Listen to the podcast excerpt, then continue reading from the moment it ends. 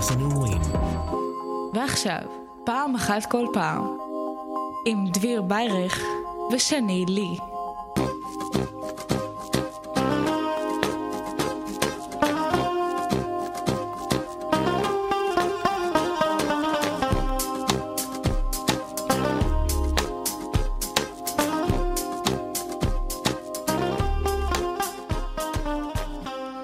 ברוכים הבאים לפעם אחת כל פעם.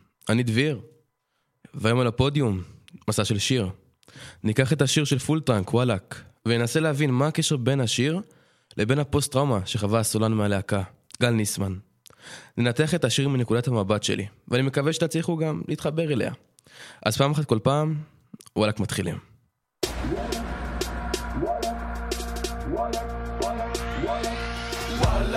לא חשבתי שככה לא גיל שלושים.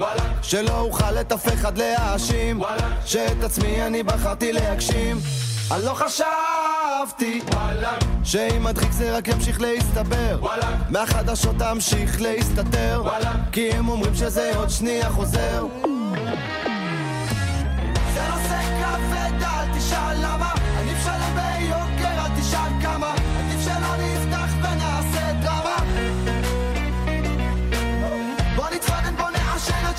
עד שזה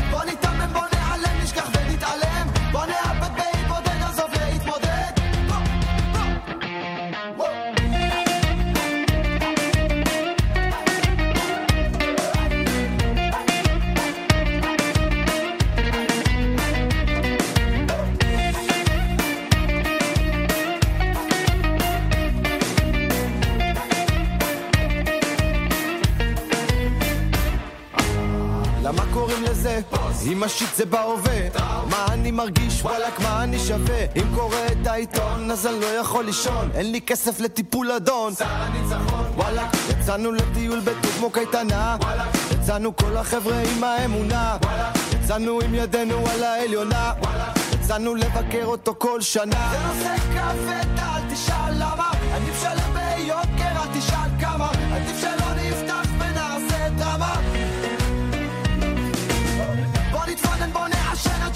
עד שזה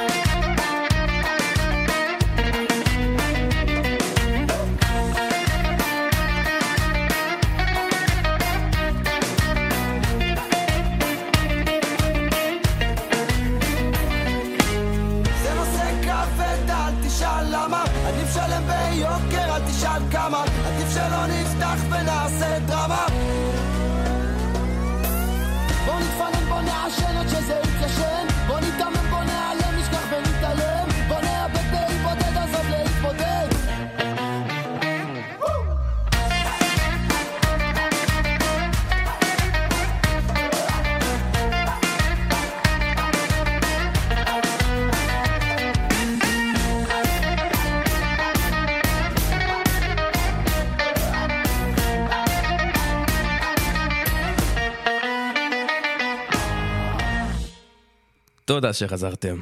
אז לפני שנתחיל לנתח את השיר, וואלאק, עלינו להכיר את גל ניסמן, סולן להקה, והאיש שעומד מאחורי השירים שלה.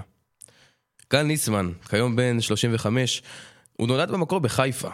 את השיר הראשון שלו, Afternoon Blues, הלחין לפני עשר שנים, בו הוא מנגן בגיטרה שלו. הסרטון הזה צבר קרוב לשתיים וחצי אלף צפיות. את הלהקה הקים גל ב-2010, והשיר הראשון של הלהקה שלו, שבאמת מקבל תאוצה, הוא השיר אומר לך מותק, שפורסם די מזמן. ב-2013, מספר הצפיות שלו יחסית ללהקה צעירה, די מרשים, ועומד על 253 אלף צפיות. לפני שלוש שנים, השיר וואלאק יוצא לאור, ואיך להגיד את זה? השיר פשוט מתפוצץ. הוא זוכה לשתיים וחצי מיליון צפיות ביוטיוב, ואין כמעט אף אחד שלא מכיר אותו. אבל מאיפה התחיל השיר? ומה הקשר לסמל ראשון סייף ביסן, זיכרונו לברכה, לגל ניסמן, סולן להקה? שיר, וחזרנו.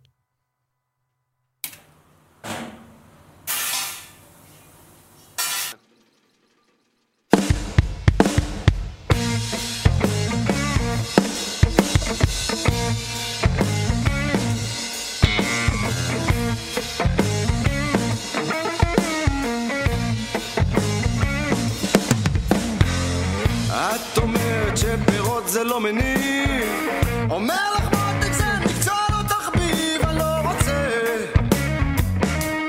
ללכת מסביב. שום רכבת שפספסתי לא תעצור בתל אביב. את אומרת שבמבחן התוצאה זה לא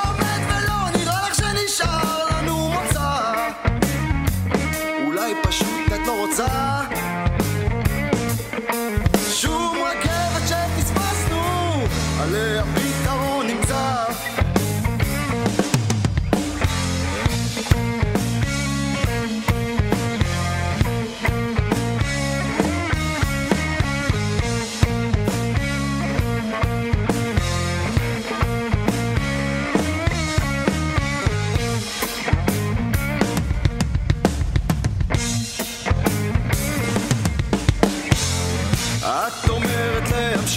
אי אפשר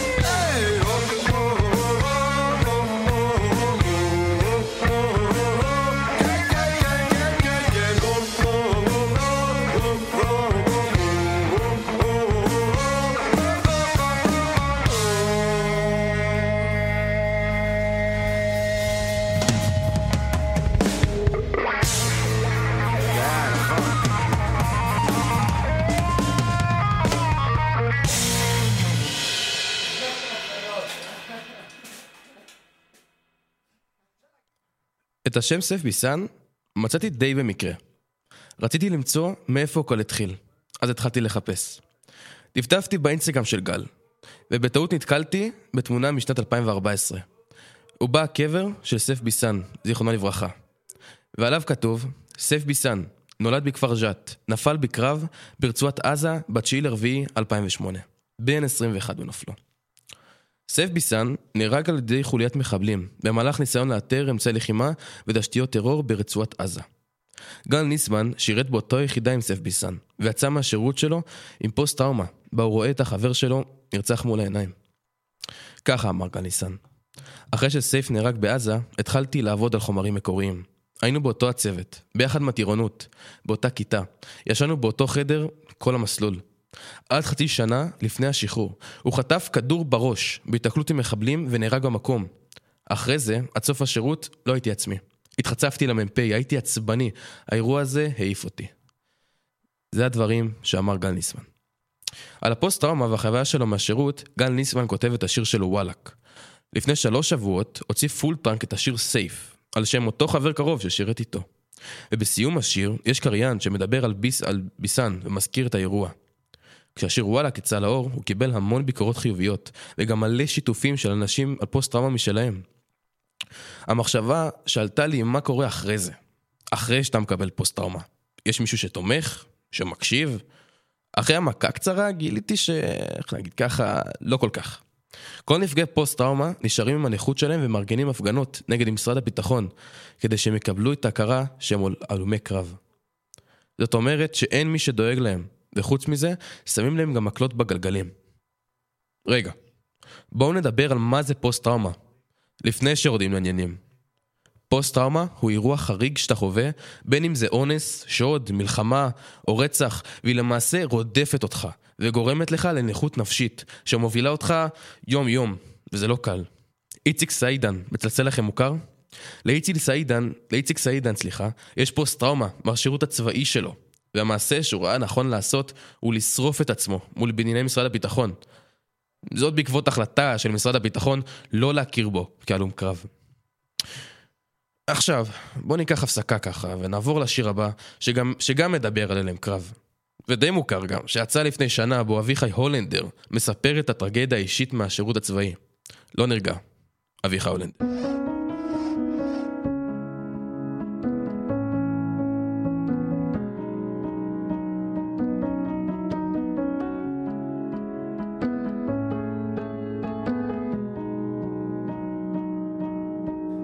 צודק ולא חכם, נבוך הבן החם, רק אל תצעק יותר.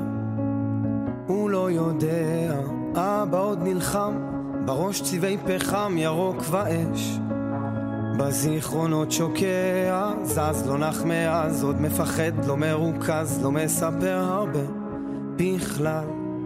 ויש כבר בן חושש עכשיו שכעס יעבור אליו ויום אחד עצמו ישאל מה אם אמא תיפגע?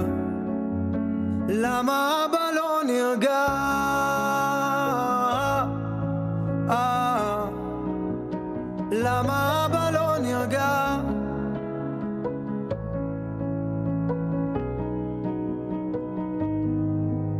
חולם על הצדקות, על אלף צלקות והנה עוד אחת בבן המתפתח מבטיח לא להיות מושא לחרדות וגם נשבע עכשיו. להישאר פיקח, הראש כל כך מבוך, שנייה זועם, מיד נבוך ולילד הזה אין מושג. רואה שטוב יש אהובה, תמיד מוקף באהבה ובעת חרוניו ידאג. מה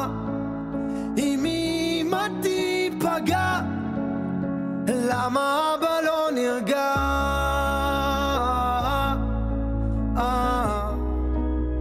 למה אבא לא נרגע?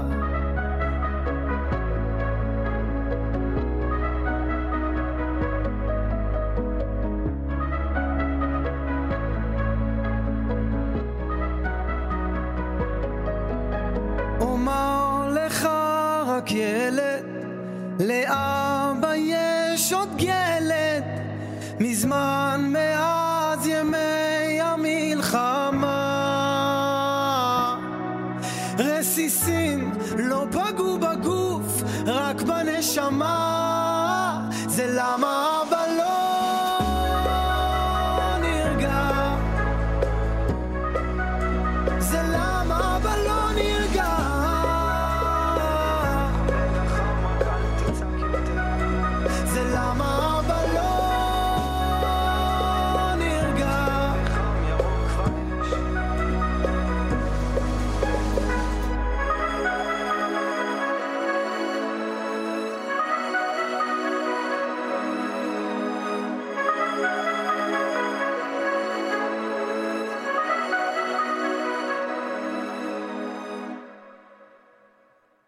תודה שחזרתם אלינו. לפני שנסיים, אתם בטח שואלים את עצמכם, למה בחרתי לחקור דווקא על הלם קרב? אז ככה, הסיפור מתחיל שהייתי בעבודה שלי, ושמעתי את השיר וואלאק של פול טנק. ואחד העובדים אמר לי שהשיר מדבר על הלם קרב, ואני הייתי המום, כי לא העליתי בכלל על, הדעת שזה מדבר על הלם קרב. אז התחלתי להעמיק ולהתעניין, ובאמת גיליתי את כל הנושא הזה של השיר שמדבר על הלם קרב. תחשבו לעצמכם רגע, אם השיר שאתם אוהבים סותר את עצמו, או שהוא מדבר על משהו אחר ממה שציפיתם. זה לא מסקרן. תשתפו אותי בשיר הזה שלא ידעתם בכלל על הסיפור שלו, או שרק לאחרונה בכלל גיליתם. וגם על משמעות המילים. שתפו אותי באתר שלנו, רדיו נעורים. תודה רבה שהייתם איתי כאן ביחד. היה לי את העונג, ממש ממש את העונג, להיות פה ולדבר. אני גם מקווה שתצטרפו אליי לעוד שידורים כאלה. מיד השיר, לילה טוב שון, שמדבר על שון מונדשטיין, שנפל בצוק איתן מירי אל נגמש בסג'איה. את השיר שון כתב כמכתב פרידה למשפחה שלו. השיר הולחן על ידי חנן בן ארי, וגורם ללא מעט אנשים, כולל אני, להוזיל דמעה, שתהיה לכולנו האזנה נעימה.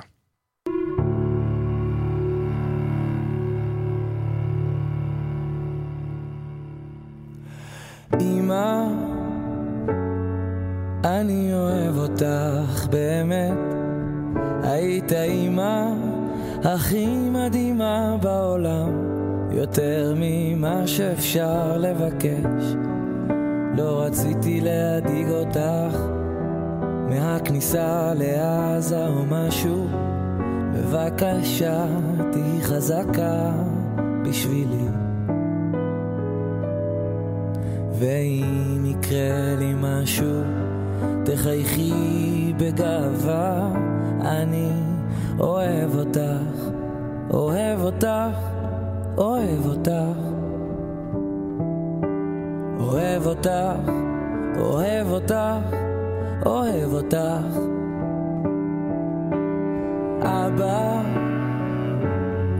היית אבא נפלא באמת. אבא, גבר, גבר. למרות שרבנו בחודש האחרון, אל תייחס לזה משמעות. אני אוהב אותך, אוהב אותך, אוהב אותך. אוהב אותך,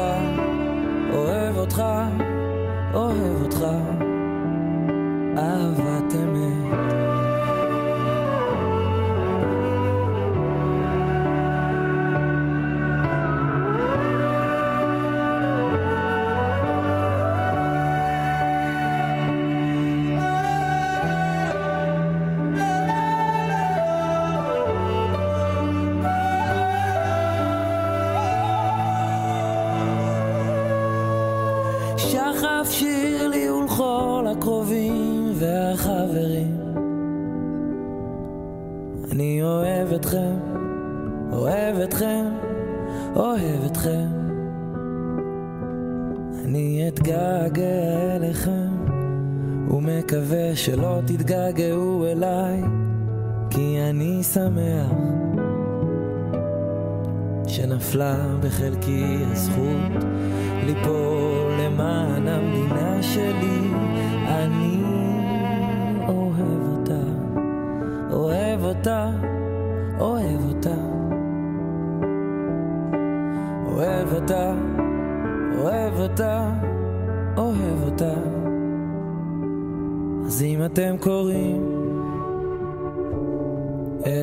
את המכתבים כנראה שהלכתי לישון. לילה טוב, שון.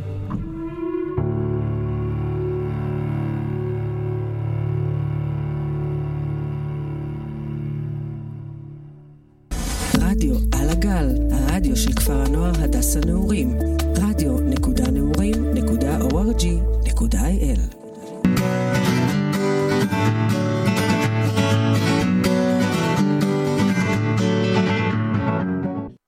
שלום לכל המאזינים והמאזינות. ברוכים הבאים לאל כוס קפה. השעה היא 7 ו-18 דקות, ואיתכם על הגל נמצאת שני לי.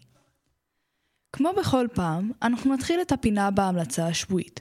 אני אמליץ לכם על שיר, אומן מפתח, ספר מעניין, או להפעם, תוכנית הטלוויזיה הבאה, הפלישה לגורדי שחקים. אני בטוחה שחובבי האנימה שביניכם בטח כבר שמעו על הסדרה הזאת בעבר, אך לכל אלו שלא שמעו ואפילו לא מכירים את ג'אנר האנימה, אני רוצה שתפתחו את האוזניים ותקשיבו לי טוב טוב.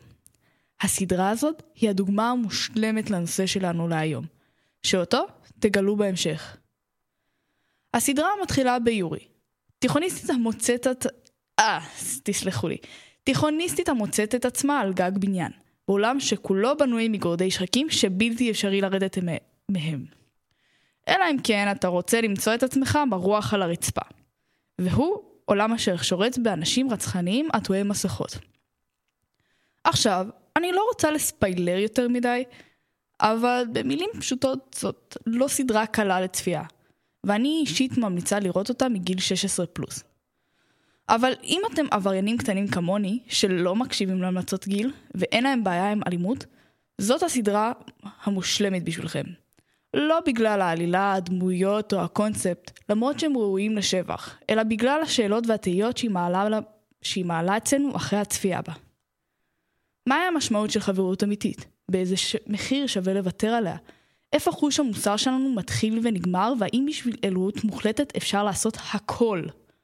אלו קומץ ממגוון השאלות העולות לנו לראש.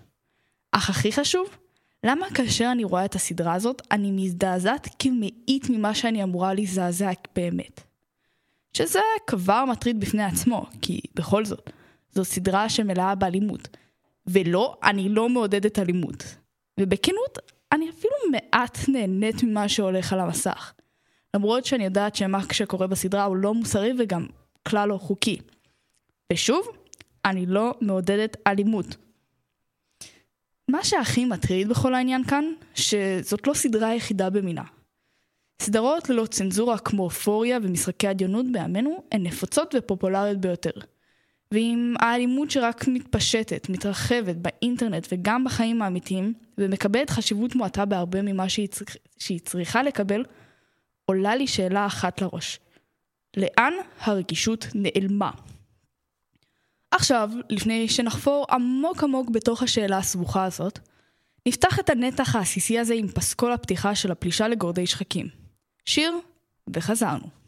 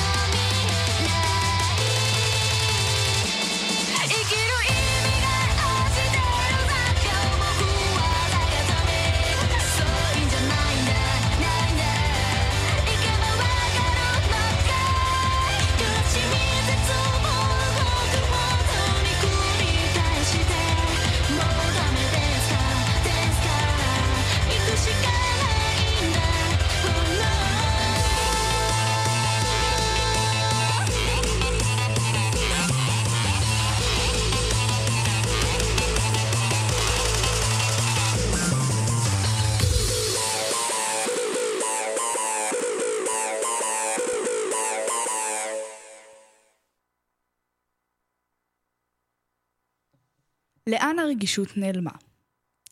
זאת לא שאלה שכל אחד שואל את עצמו, וזאת לא שאלה שיש לה תשובה אחת. לא כולם נכללים בקטגוריה של חסרי הרגישות, ולא כולם כאלו אדישים למה שמתרחש סביבם. אך בימינו, מעטים מאיתנו נכללים בקטגוריה הזאת, בעלי האמפתיות והרגישות החברתית. רובנו פשוט מדלגים הלאה על מקרים שכאלו, בלי לחשוב יותר מדי. אז למה? למה אנחנו כאלו חסרי רגישות? דבר ראשון, שפתחתי את המחשב וניסיתי לחקור מעט על הנושא, גיליתי שחומר שנוגע לשאלה הספציפית הזאת הוא לא בדיוק ספציפי. דרש זמן מה למצוא את הניסוח המושלם לשאלה, אבל ההגדרה המתאימה ביותר לתיאור התופעה של חוסר רגישות חברתית בימינו היא אדישות חברתית. שבתור תופעה רחבה ביותר, מפתיע שהמושג בכלל לא מוכר לנו. אז לפני שאנחנו צוללים אל הנושא, קודם כל בואו נבין מה ההגדרה המדויקת של אדישות חברתית. אז על פי הגדרת האינטרנט, וכן, לאינטרנט יש הגדרה לאדישות חברתית, אדישות חברתית היא מונח פסיכולוגי למצב שבו הפרט אינו מגיב לכל ההיבטים הרגשיים, החברתיים והפיזיים השזורים בחייו. במילים האלו. אז כיצד זה מתבטא? לאנשים כמעט ולא אכפת משום דבר. הם אדישים גם לדברים שמקשים עליהם את החיים, ומהווים בעיה רצינית כגון התחממות האקלים, מצוקת הדיור והתייקרות המחירים, שזה, בוא נודה, דברים שאנחנו שומעים עליהם כל הזמן. אנחנו יושבים על הכורסה, צופים בטלוויזיה, גוללים ברשתות החברתיות, מתעצבנים על דברים, ובערך בזה נגמרת המעורבות החברתית שלנו. עצבים על, הצפה, על הספה, ואולי גם אחרי זה התלוננות באוזני אנשים אחרים. בזה מסתכם הדבר. המון דיבורים ואפס מעשים. אם אהיה כנה, גם אני באיזשהו מובן חוטאת בחטא הזה. אפילו יותר גרוע. אני אפילו לא מתייחסת למה שהולך סביבי. אני חולפת על הנושא הלאה בלי לחשוב על כך יותר מדי. בלי לחשוב מה היו ההשלכות העתידיות של ההתעלמות והאדישות שלי. עכשיו, מה הסיבות לאדישות חברתית? מה גורם לנו להיות כל כך אדישים לסביבה שלנו? טוב, הסיבה הראשונה לכל הדבר הזה היא שבימינו קשרים חברתיים הם סוג של מותרות. דבר שפחות חיוני, חיוני לנו כדי לשרוד. פעם, אם לא היינו רגישים ומודעים לחברה סביבנו, היינו יכולים למות. או לפחות לסכן את חיינו. כיום רובנו רק רוצים שאחרים לא יתערבו להם בעניינים שלהם, משהו בסגנון של אל תדחוף את האף שלך לעניינים שלא שלך. בעבר קשרים חברתיים היו דבר חשוב ביותר, למסחר, גידול שדות, ציד והישרדות מתנאים שונים. הכוח של קבוצה גדולה היה עדיף בהרבה על כוח של אנשים בודדים, ותקשורת פנים מול פנים הייתה חלק עיקרי בחיים. החיים של רוב האנשים היו בקבוצות קטנות, אם במקום להיות בקבוצות של אלפים, כגון עיר, מדינה, הם חיו בקבוצות של עד מאות אנשים. וזאת אומרת שעכשיו, גם אם הם חיו במדינה או ממלכה, רוב חייהם התמקדו בסביבה שבה הם חיו, ולא מעבר לזה. כל מקרה שקרה שינה גם אם הוא קטן, ואם היה מקרה מדיני כמו מלחמה, מגפה, בצורת או כל כזה, אסון כזה או אחר, זה בדרך כלל השפיע על כולם, בדרך כזו או אחרת, ישירה או עקיפה. אך בעולם גלובלי כמו שלנו, אשר אנשים יכולים להיות מעודכנים על כל דבר קטן, לפעמים קשה לזכור את ההבדל בין מקרים שמתרחשים בעולם ובין מקרים שמתרחשים במדינה. חוקים קטנים מסעירים אותנו, וחוקים גדולים ממזמן החדשות הישנות. לא כל דבר אשר קורה במדינה שלנו באמת משפיע עלינו, ולפעמים קשה לסנן במה שמתרחש סביבנו, מה חשוב ומה לא. לכן אנחנו פשוט אדישים לכל מה שקורה. פרט למה שאנחנו באמת חווים על בשרנו. בנוסף, אנחנו גם לא יוצאים להפגין ולמחות כמו פעם. בימינו גם דבר שמפריע ומסכן את החברה עובר הרבה יותר חלק מאשר פעם. לעתים נדמה שזה לא מעניין אותנו עד שזה מגיע אלינו, כמו שאמרתי.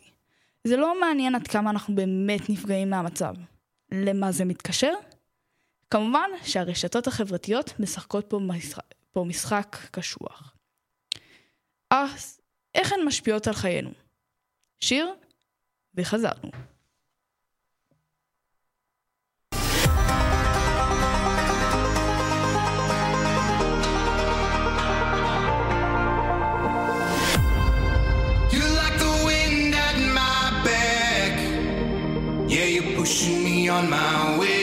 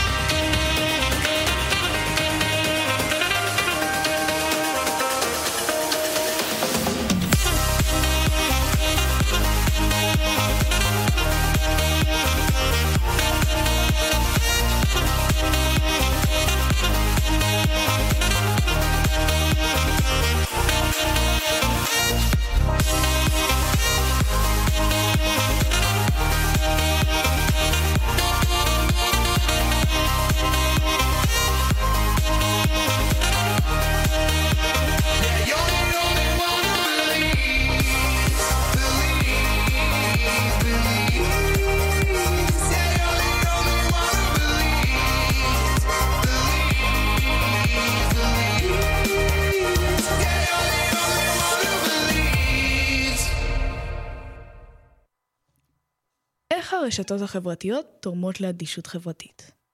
טוב, זאת גם שאלה מסובכת, אך לא בגלל שזאת שאלה של כן ולא, אלא בגלל קנה המידה העצום שלה בהשפעתה על המצב. בואו נתחיל בזה שבכל יום אנחנו מקבלים אינפורמ... כמות אינפורמציה מטורפת מהאינטרנט. כתבות, פוסטים, מחקרים, סדרות וחדשות הן רק מעט מהדברים אשר מציפים אותנו כל יום. בני האנוש תמיד היו סקרנים, אנחנו פשוט בנויים לחקור וללמוד את העולם שסביבנו. והאינטרנט? זה המקום המושלם לחקור ולגלות בו דברים חדשים. הסיבה שהטלפון כל כך ממכר זאת בדיוק הסיבה הזאת. תמיד יש דבר מעניין שתופס את תשומת הלב שלנו. ולעיתים נדמה שהוא הרבה יותר מעניין מהעולם האמיתי. תמיד יש איזושהי דרמה חברתית, משטרתית וכדומה, שיכולה להעביר את הזמן שלנו בלי יותר מדי מאמץ. אך ברגע שהדפוס של המקרים שאנחנו שומעים עליהם מתחיל לחזור על עצמו, למשל, במקרים הקיצוניים ביותר, מקרי אונס חוזרים, הבעיה ההולכת והגודלת של משבר האקלים, והעולם שפשוט נחב לנגד עינינו מכמות הזבל שאנחנו פולטים, גם מגפות, מלחמות. כל אלו ברגע שהם חוזרים על עצמם, הם פשוט הופכים להיות לא מעניינים.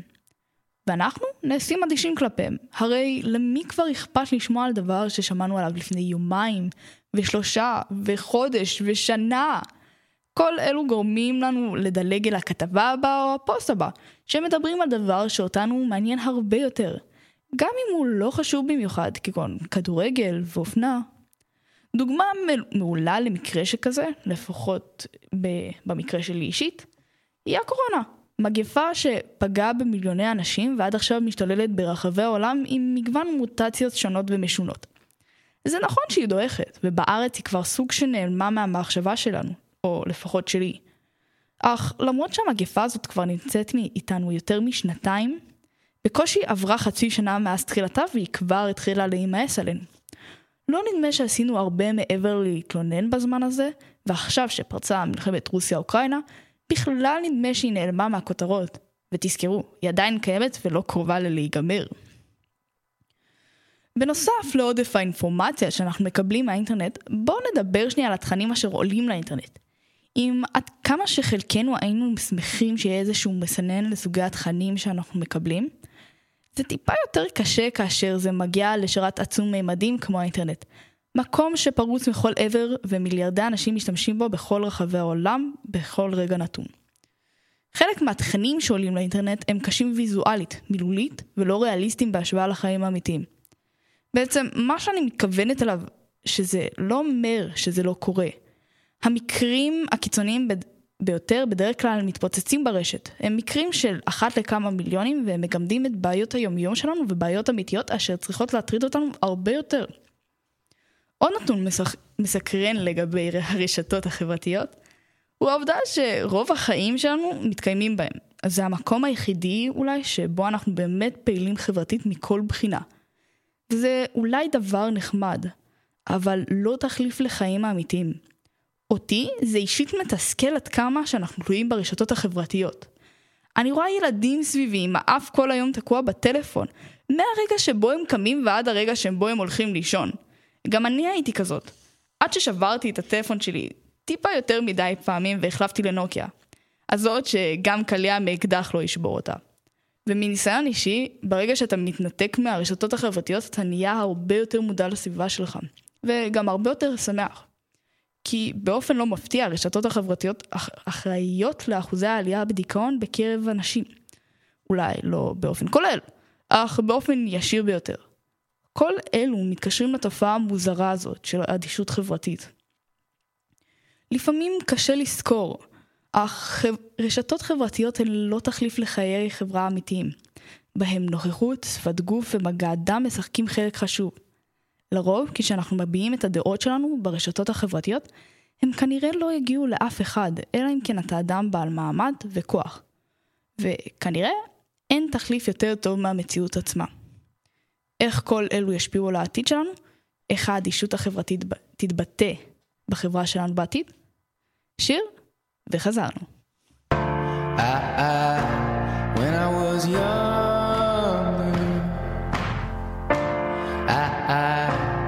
have known better,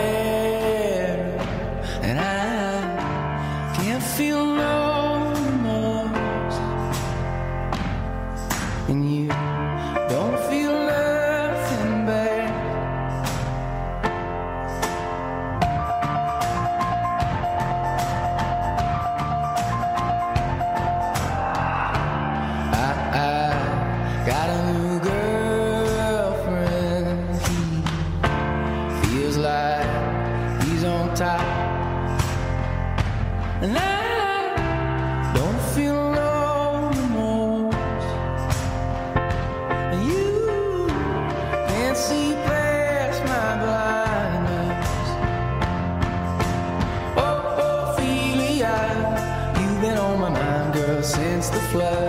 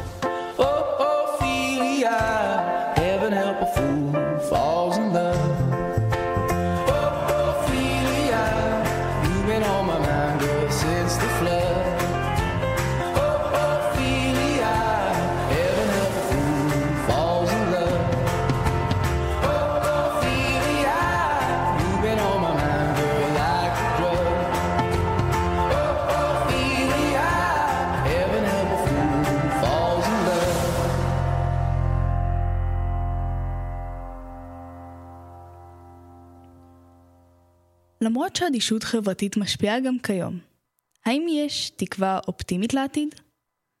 אז התשובה היא, שלא. זה פשוט לא יקרה אם המצב כיום יימשך כמו שהוא. ולמה? כי אדישות חברתית היא פרדוקס שלא נגמר. האדישות החברתית יכולה לגרום לחברה להרוס את עצמה מבלי לשים לב. כי גם אם חצי עולם יצרח לעזרה, החצי השני יתעלם בלי לחשוב פעמיים. המחשבה הזאת של כאן זה לא יכול לקרות, היא מחשבה שכבר קיבלה פנים מרוב שהיא הפכה לכל כך נפוצה. ולא, זה פשוט לא נכון לחשוב, זה פשוט לא נכון לחשוב ככה. אם המצב יימשך ככה, אנחנו לא נראה שיפור במגמות ההולכות והמתרחבות כגון הטרדות מיניות, אלימות פיזית ומילולית, ומגמת פשיעה ההולכת והגוברת בקרב בני נוער. אדישות חברתית היא מעבר לעניין של תופעה. אדישות חברתית היא התגלמות תס- התסכול והאכזבה מהמערכות הקיימות היום- כיום. למי יעזור עכשיו לצרוח לעזרה ולהתלונן ולמחות אם ב-99% מהאחוזים מהמקרים אין תגובה מצד המערכת שאמורה לפקח עלינו. או שהתגובה מצד המערכת גוררת אחריה הרבה תסכול וסבל, ולעיתים גם תוצאות הפוכות.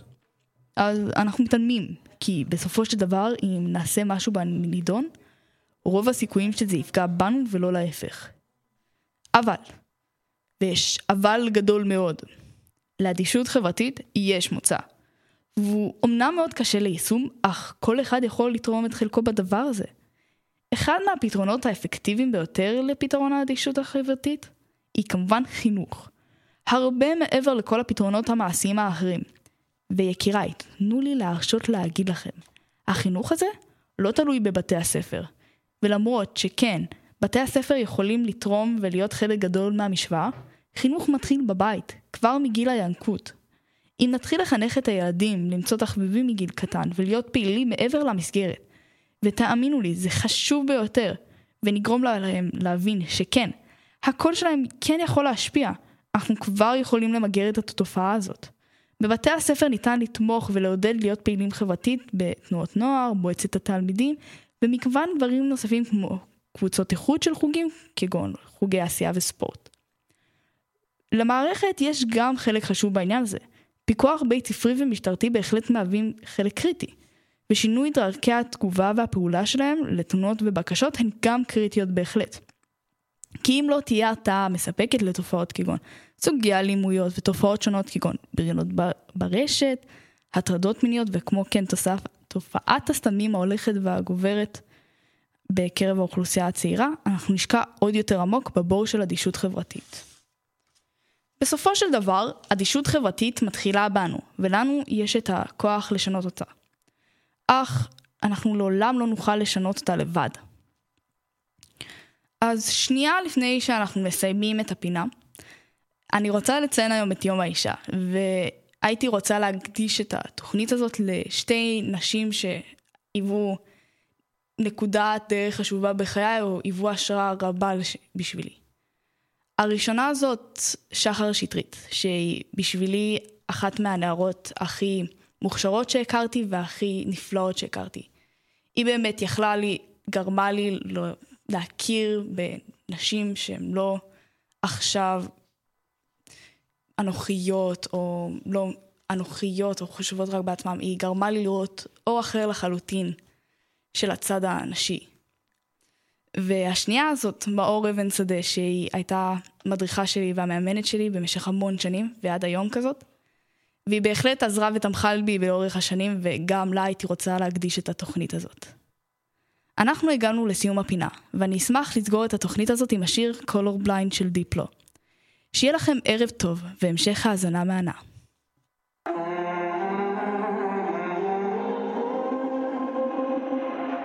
I've been so colorblind, and I've been so colorblind.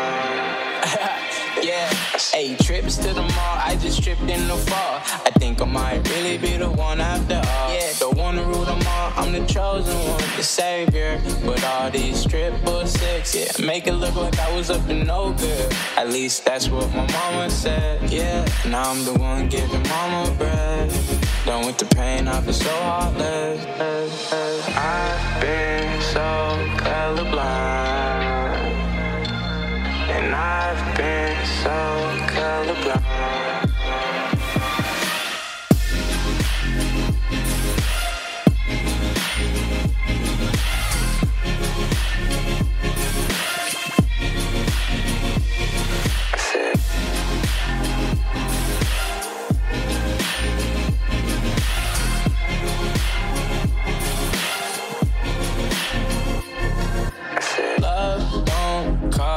A thing. Yeah, so all my girls need diamond ring. Yeah, yo, yo, text that I sent that you never ever read. Got me feeling like you never ever ever really cared. Yeah, but that's okay though. I hope you feel okay though. They used to call me Dago. My favorite drink is Fago. I've been so, so, so.